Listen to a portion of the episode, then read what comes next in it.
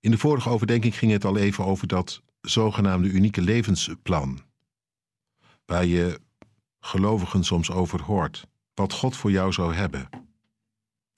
Ik heb al gezegd, de prediker is daar niet van. En dat merk je ook in het vervolg van wat hij schrijft. Prediker 11 vanaf vers 5. Hij schrijft: Je kent de wegen van de wind niet. Je kent het kind dat in de moederschoot groeit niet. Zo ken je ook de daden niet van God die alles maakt. Saai in de morgen en laat in de avond je hand niet rusten. Want je weet niet of het zaad de ene of de andere, of elke keer ontkiemen zal. Eerlijk, hè?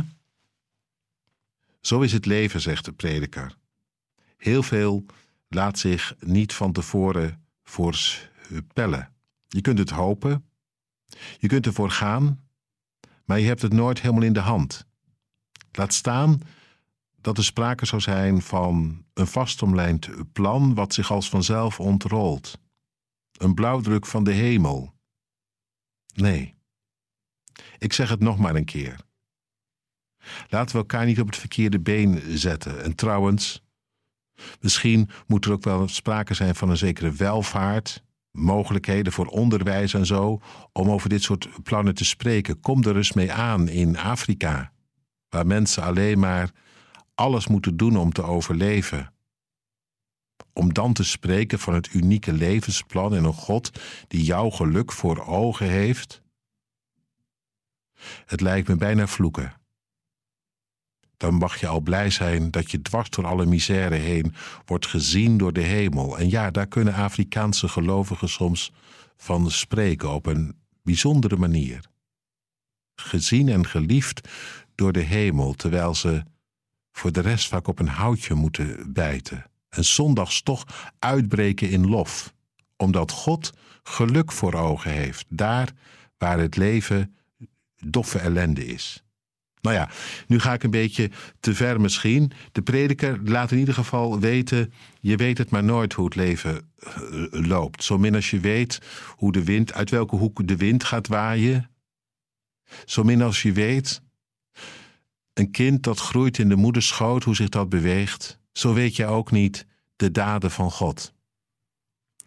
Maar in plaats van daar energie in te gaan steken, om op het spoor te komen wat God nu wel of niet precies bedoelt en wilt, is het beter om te doen wat je hand vindt om te doen. Gewoon je verantwoordelijkheid te nemen en ervoor te gaan. En zeker, dan is het afwachten.